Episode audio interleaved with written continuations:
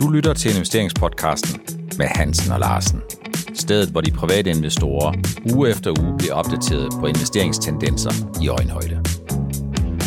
Velkommen til investeringspodcast med Hans og Larsen. Vi er nået til afsnit 190, og vi har forberedt nogle emner, som spiller lidt om, hvorvidt september måned øh, udvikler sig til det værre i oktober, og spørgsmålet om de kan det, om danske aktier, som desværre er kommet i bad standing, om dollarstigningen, som vi har set på det seneste, båret oppe af de amerikanske rentestigninger og rentespændsudvidelsen til Europa, om det kunne være en bagstopper for dansk life science, og om vi er inde i en nedturskulmination, og også, og det tror jeg faktisk bliver talk of town inden så længe, om øh, nøgletallene, de kunne være på vej til at blive noget sværere.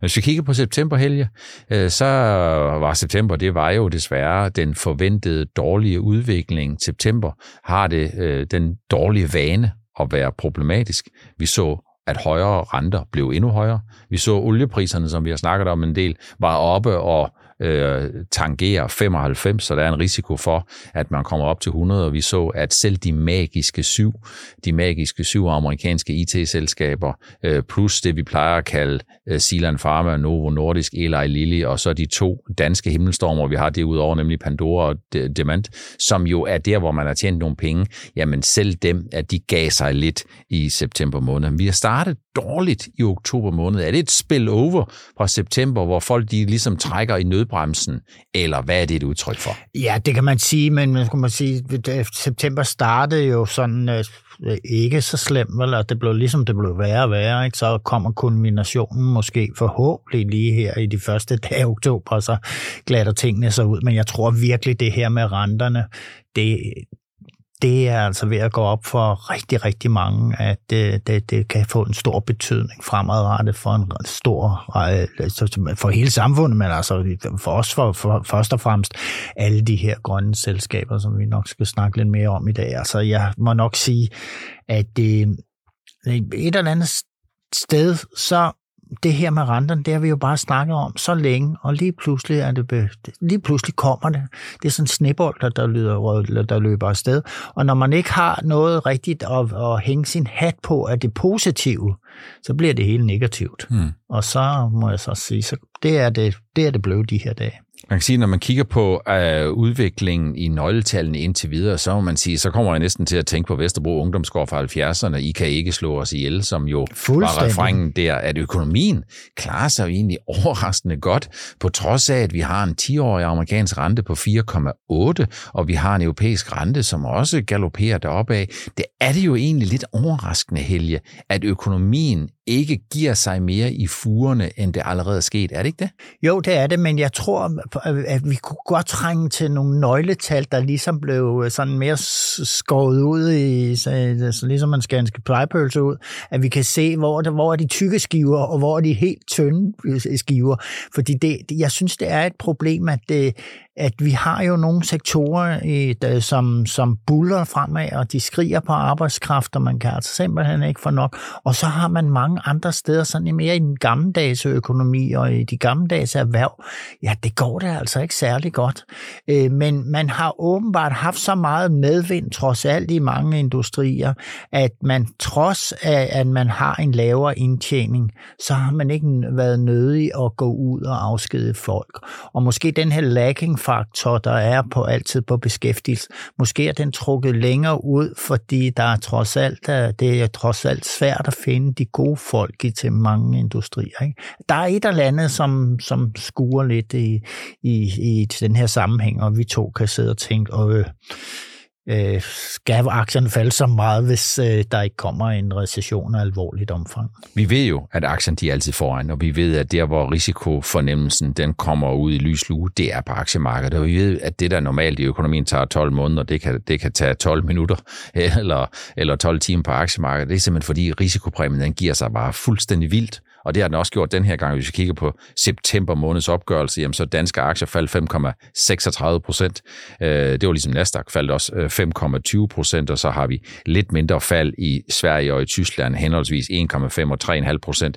Så man må sige, øh, danske aktier har desværre været i udbrud, og det er det næste, vi kommer til, Helge. Og jeg synes, at øh, det er jo sådan lidt en sang, vi har haft tidligere. Danske selskaber er relativt højt prisfastsat, også selvom de har underperformet i år, så er de stadigvæk relativt højt prisfastsat. Og det er vel noget, en af de årsager, der er til, at når det er sådan, at investorerne er nervøse, så kan vi mærke det i de danske aktier, fordi når der er nervøsitet, så er der fokus på prisfastsættelse, og når der er fokus på prisfastsættelse, så står de danske aktier først for, for at få nogle øretæver. Ja, og så er der en række danske aktier, som simpelthen ikke er performet godt nok på indtjening, og du har også skrevet noget om det her omsætning, den er jo fint, altså øh, den er, kan godt, man kan godt have en vækst på omsætning, men altså det kniver lidt på indtjeningen. og jeg tror faktisk, vi næsten i halvanden år har, tænkt, har siddet og snakket om det her med, jamen hvordan påvirker det selskabens indtjening af alle deres råvarer og hvor meget kan man nu sende videre til forbrugerne, eller til næste led, og så videre, og så videre. Og nu begynder det det altså gå op for, for rigtig mange, at øh, det er begrænset, hvor mange man kan sende, sende videre, og så har vi jo set kvartal for kvartal, at, at bundlinjen er blevet mindre. Hvis man kigger på noget af det, som jeg tror spiller øh, en rolle, der er det jo, at udlandske investorer, de har en lidt hår, kortere tidshorisont. De behøver ikke nødvendigvis være i danske aktier.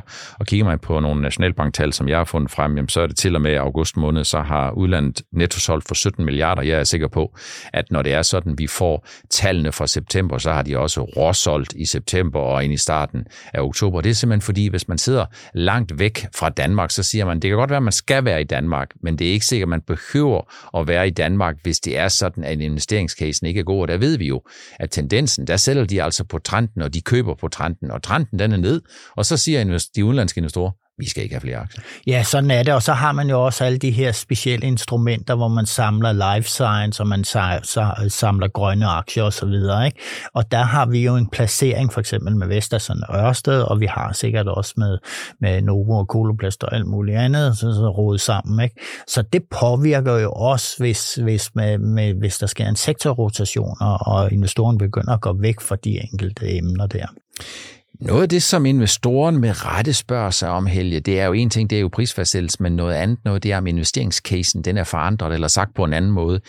Er det sådan, at øh, det, hvor vi tidligere har lovprist de danske selskaber, nemlig med verdensklasse kompetencer inden for deres nischer, Koloplast, Novozymes, Vestas, øh, Ørsted, Novo Nordisk osv. med en lang række selskaber, som inden for det, som de bedriver, der er de helt på toppen. Øh, så er der pillet ved, at de stadigvæk har verdensklasse kompetencer inden for deres niche. For hvis det er det, hvis det er varigt ændret, jamen så kan man sige, så kommer vi jo ikke tilbage til, at de danske aktier, de er sådan overordnet set de udenlandske investorers darlings. Nej, og det, vi skal nok skælde dem lidt ad i det her tilfælde, ikke? for skal vi se, om, om de stadigvæk kan performe og være i verdensklasse, så skal må vi lige se på, hvordan er deres balance er sammensat. Og der er det jo de gældsbærende og dem, der forvent, vi forventer, der skal gå ud og øge gælden hele tiden, fordi de skal være projektudviklende. Jamen det er jo først og fremmest dem, der man kan sige, jamen så de, de er ikke i verdensklasse, i hvert fald ikke indtjeningsmæssigt, så længe renten er så høj, øh, så er de måske rykket en tand ned. Ikke? Hvorimod vi kan sige, hvor vores life science, der har nogle store pengekasser med sig, det, der er det straks anderledes. Og der tror jeg bare, at øh, jamen, altså, hvis performance, performance for, på verdensplan går ned generelt for en sektor, jamen så vil de danske stadigvæk ligge pænt placeret i den øverste halvdel. Hvis man kigger på øh, tredje kvartal, jamen, så er det sådan, at Vestas kommer jo egentlig fornuftigt ud øh, med, øh, med order på lidt over 4 gigawatt. Men jeg skal love for, at øh, den gode stemning, ja, den varede kun sådan lige en lille smule af 2. oktober, den første handelsdag ind i kvartalet, efter man har fået annonceret 4.044 megawatt i kvartalet. Så øh, skal jeg love for, så blev aktiekursen, den blev altså sendt baglæns. Så det hænger vel sammen med, Helge, at uh, talk of town inden for grøn omstilling, det har været Ørsted, og det er vel der, hvor når det regner på præsten, så drøber øh, det på dejen, og det er vel det, der er udfordring for Vestas, er det ikke det? Jo, det tror jeg, men, øh, men de er jo sådan sat ned i den samme gryde, ikke? Med, med, med noget grønt, der, der koger dernede. Ikke? Og øh, jeg tror især, det er det her med renterne, der stadigvæk spiller en stor trille der. Altså jeg tror virkelig, at man tænker over, du sagde det også før, inden vi startede udsendelsen, så nævnte du nogle tal for, hvor meget Ørsted havde tænkt sig, øh, det meldte ud på kapitalmarkedsdagen, hvor, hvor meget de skulle investere frem til 2030. Hvor meget var det? Var... Ja, tal tal der, som de jo offentliggjorde, som man kan læse ind på meddelelsen fra den 8. juni, det er 475 milliarder kroner. Det er 63 milliarder euro, for ligesom at sige, det er jo et fuldstændig svimlende tal. Og der tror jeg altså, at den meddelelse, som Ørsted sendte, jeg tror det er for lidt over en måned siden, hvor de gjorde opmærksom på, at der var nogle ting, der blev lidt dyre. Der var nogle ting, der blev lidt forsinket. Og så bragte de en tredje advarsel om, hvis ikke renterne de kom ned i løbet af tredje kvartal, så ville der formentlig også skulle laves en hensættelse øh, på basis af de stigende renter. Og der tror jeg simpelthen, at der er nogen, der har fået sig et chok. De har simpelthen fået sig et chok, fordi de tænker, hvis der skal investeres 63 milliarder euro, eller modværdien af det, 475 milliarder kroner. Det er ikke et tal, jeg øh, bringer frem, det er et tal, som Ørsted selv øh, bragte frem og gentog på kapitalmarkedsdagen. Jamen så tænker de, hold da fast, hvis renterne de er gået noget op, og øh, der skal investeres 475 milliarder kroner, hvor en betydelig del af det skal lånefinansieres, så rammer de stigende renter, de rammer vel en betydelig del af de projekter. Jeg tror, det er epicentrum for, hvor ondt investorerne har i, øh, i maven generelt set, og specifikt med Ørsted og risikoen for, at det får en afsmittende effekt på Vestas. Ja, på Vestas og andre grønne øh, selskaber, altså det er hele vejen rundt, ikke? og der, der, man kan sige, at et selskab som Ørsted, der rammes så hårdt på det her, jamen øh, det er en dansk udgave, men der er altså øh, udgaver af Ørsted i, rundt i hele verden, som, som øh, øh, øh, bakser med det samme problematik her med renterne, der er sted. Øh, det vi skal tænke på, det er, at man har sætter måske for et år siden eller to år siden, sætter man beløb af til renter. Jamen, så sker der sgu en fordobling. og en fordobling. Ikke? Altså, og så lige pludselig en tredobling. Og, og det, det er altså noget, der... Jeg kan godt forstå investorerne ved at bekymre over det. Så jeg synes jo, vi er i en situation, hvor der er rigtig gode grunde til, at der er nogen, der udfordrer. Det tror jeg ikke, der er tvivl om. Jeg synes også, at der er nogen, der ligesom tænker lidt på, kan vide om øh, de danske selskaber med verdensklassekompetencer i nischerne stadigvæk har det. Det er i hvert fald noget, man undrer sig måske lidt over, eller man spørger sig selv om i sin investeringscase.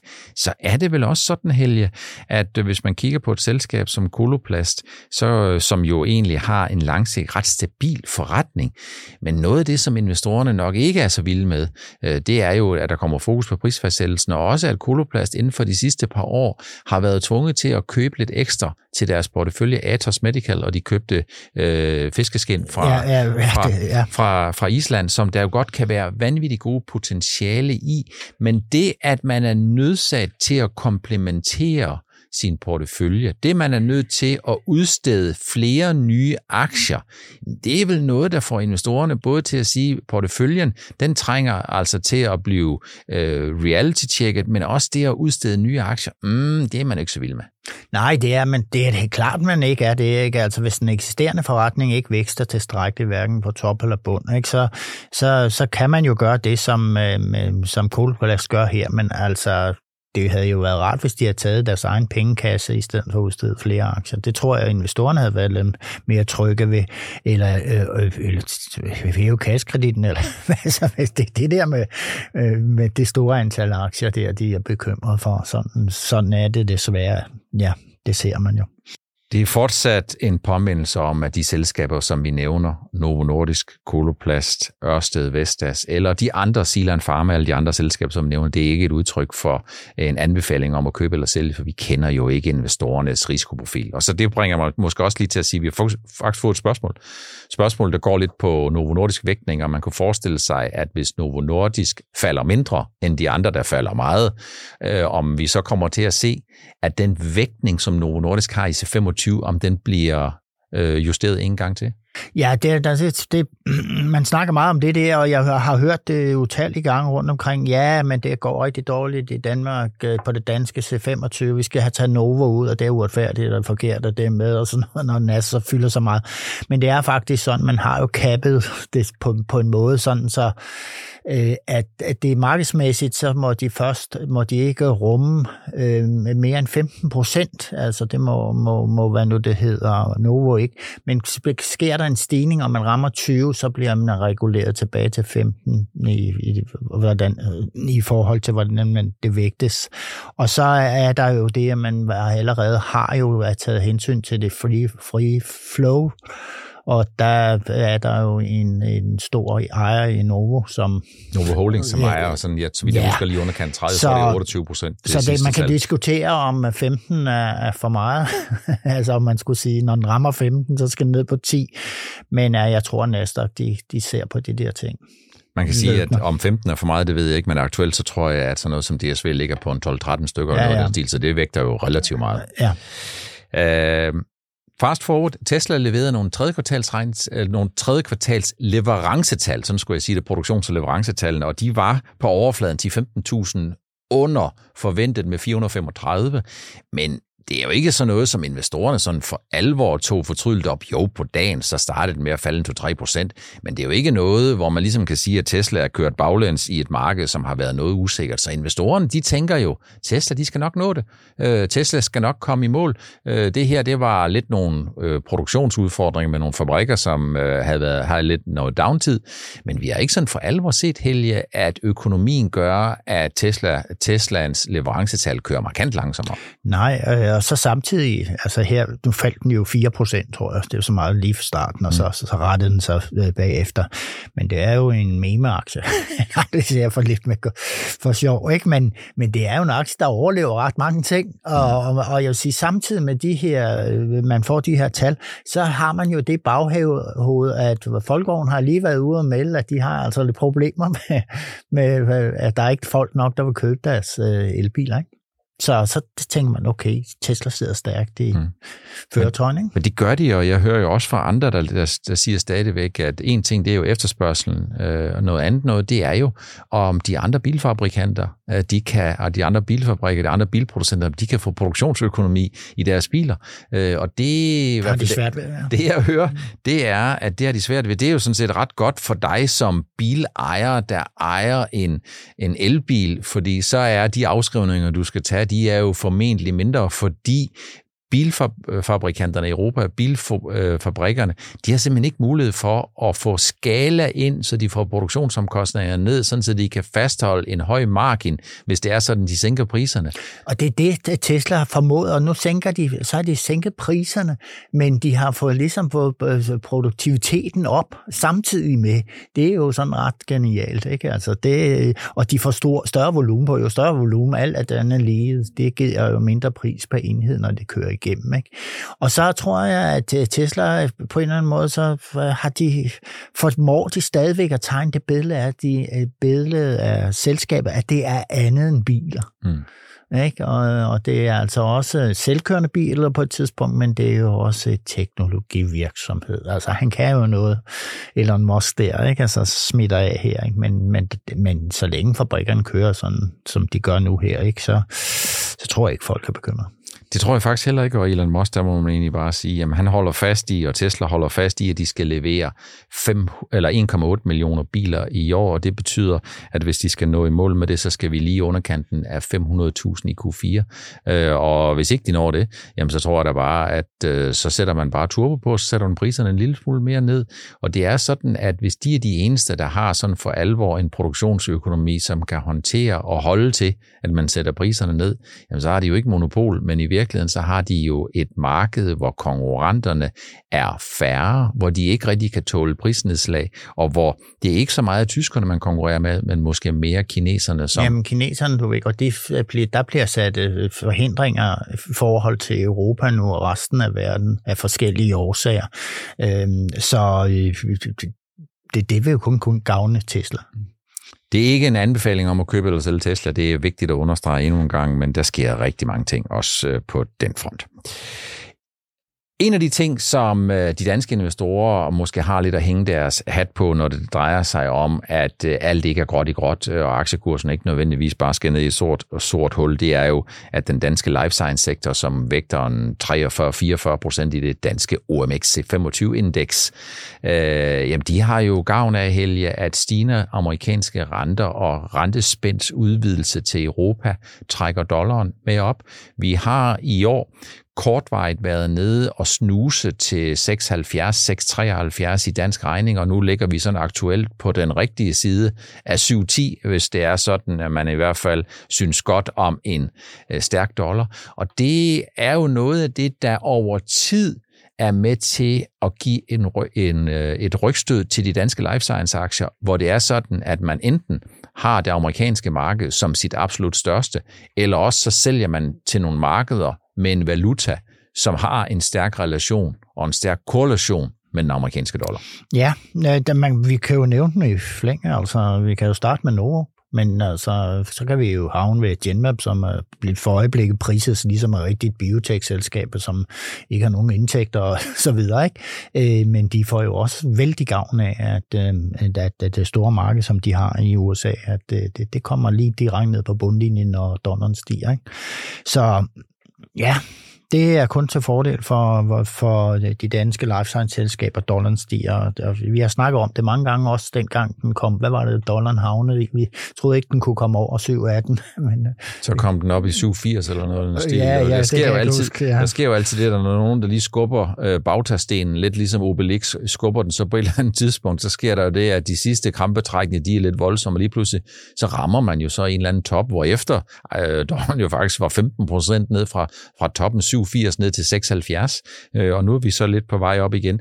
Og jeg siger jo ikke, at det er den ultimative bagstopper for dansk life science, men det er i hvert fald noget af det, som investorerne har en tendens til over tid at fokusere på, hvis det er sådan, at vi har ramt et nyt og højere varigt niveau. Og det er der måske noget, der kunne tyde på, i hvert fald i en overgangsperiode. Ja, og det kan jo måske kompensere for de, de, de der selskaber, som har lidt, lidt hårdt med, med nettoindtjening, ikke? at øh, dollarprisen stiger. Vi, Helge, vi skal ud og flyve en sidste gang. Øh, det er jo... Aktiemæssigt. Et, aktiemæssigt, ja. SAS, ledelsen, øh, meldte ud tirsdag i går. Vi optager jo onsdag der meldte de ud, at investorerne skulle være forberedte på, at værdien af SAS' aktier, den var nul. Det skulle man forberede sig på. Det er vel ikke nogen statsmandshemmelighed. Nej, og jeg har jeg ser det desværre på de sociale øh, medier, og jeg har også set det denne gang. Altså hver gang der er et selskab, der ryger ind i sådan en konkursbeskyttelse, som SAS har gjort her, ikke? og der skal forhandle sig et eller andet, så øh, altså, øh, gennem årene ser vi, ja, jamen klokken er slået, når du er derinde. Der bliver ikke noget til de eksisterende aktionærer på den løsning, man kommer ud med i en sidste ende. Det, det, jeg kan ikke huske, der er nogle selskaber, der, når de først har været derinde, at så bliver noget tilbage til de eksisterende aktionærer. Det bliver en helt ny rekonstruktion, der skal til, ellers var man aldrig kommet så langt. Og SAS har jo været på vej ud i det der moras i flere år siden covid, ikke? For, for alvor. Ikke? Så ja, det er desværre, men altså nu er der jo kommet nogle nye ejere ind, og de vil ikke være børsnoteret, så vidt jeg forstår, og så, så er det sådan der. Hvis man kigger på SAS, så er der tre ting, som jeg tror, der gjorde det op med det gamle SAS. Det var jo øh, ledelsen, som mistede ledelsesretten i april måned 2019, dengang at det lykkedes piloterne at overtage styringen, ikke kun i flyene, men også overtage styringen om, hvor meget de skulle have i løn. Øh, så var der sommerstrækken i 2022, som jo var øh, måske bare det ultimative søm, der blev, der blev slået i. Og så var der selvfølgelig covid-19, der gjorde, at det blev umuligt for SAS at drive sin forretning, simpelthen fordi de er ikke agile nok. De kan ikke tilpasse sig. De kan ikke nedbringe omkostningerne hurtigt nok. Så her onsdag, øh, det er jo der, hvor investorerne de skal kigge på, hvad ledelsens udmelding om, at de regner med i evenført tidsplanen, at selskabet vil blive afnoteret en gang i, jeg tror det er anden kvartal 2024, der starter aktiekursen tæt på 0. Den starter i 0,0062 kroner, det er et kursfald på 4 eller 95 procent i forhold til i går. Og så sker der det helge, at øh, lige pludselig så femdobler aktiekursen fra det indrømmet meget lave niveau. Men tror investorerne ikke på, når nu ledelsen de siger, at der er ikke nogen værdi det er ikke mig, der siger det, det er ledelsen, der siger, de gentager, at der er ikke nogen værdi i selskabet. Hvorfor ser vi så lige pludselig, at aktien den femdobler? Jamen, Per, det har vi jo også set før i de her selskaber, hvor jeg snakker om, at, at, at, at, at der, man melder ud, at der kommer ikke noget til de eksisterende aktionærer. Så har vi før set uh, en masse psykose, du alle suser ind og synes, det er død spændende at være med, ikke?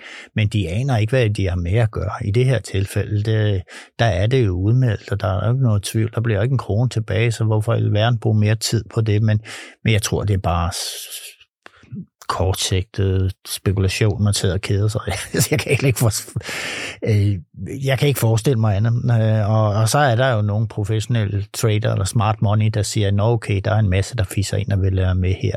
Kan vi sætte vores algoritme sådan, så vi kan tjene lidt på det, så gør vi det det er der nok ikke nogen tvivl om, at der er øh, nogle flere fingre med i spillet her end i slutspillet om øh, SAS, og jeg synes da bare, at man skal tage udgangspunkt i det, som ledelsen selv melder ud. Det er altså ikke nogen hemmelighed, at SAS har fløjet på varm luft øh, de sidste øh, to år, økonomien den har været rigtig, rigtig dårlig, og det er der jo mange øh, øh, årsager til, og øh, jeg tror jo, at investorerne i hvert fald skal spørge sig selv, om hvis nu de øh, ejer nogle aktier, øh, om, om det ikke bare er tiden at, at, at, at smutte ud af børsen der. Ja, for at få et, det, det tab, de kan modregne noget andet, som du har meldt ud her, det er helt fornuftigt. Ja, det er jo sådan, at det er jo ikke mig, der siger, om man skal købe eller sælge, men det er sådan, at i det øjeblik, hvor skat skal have at vide, at du har et tab, jamen så har du først et tab den dag, hvor du har realiseret et tab. Og på samme måde som Nordnet indberetter, når du køber en aktie, så indberetter vi jo også, når du sælger en aktie. Og hvis vi ikke, hvis ikke skat har en matching mellem et køb og et salg, så har du jo kun et urealiseret tab. Øh, og på den måde, så langt de fleste, de bruger jo realisationsprincippet, når vi snakker om skat. Skat, det skal du spørge din rådgiver om, hvad, hvordan de, du skal forholde dig til det. Det, der står tilbage, det er, at ledelsen har meldt ud, at værdien af selskabets aktier må forventes at være nul. Det var det, vi havde valgt at tage med i afsnit 190 af investeringspodcasten med Hans og Larsen, hvor vi har koncentreret os og fokuseret på at de danske aktier har det ligesom dig, Helge, når du står i bruseren om morgenen, du skal passe på, at du ikke kommer i bad standing. Og det er de danske aktier altså kommet. Øh, stigende renter, som gør ondt, og jeg tror, at det breder sig over hele markedet, og ikke mindst, så er investorerne nervøse for det investeringsprogram, som Ørsted de har øh, de kommende 5-7 år. Vi håber, du stadigvæk synes, at du bliver godt opdateret på det, der foregår på de finansielle markeder på lige underkanten af 30 minutter. Vi håber, at vi må tælle dig med som lytter og ser i næste uges afsnit 191 af investeringspodcasten med Hansen og Larsen.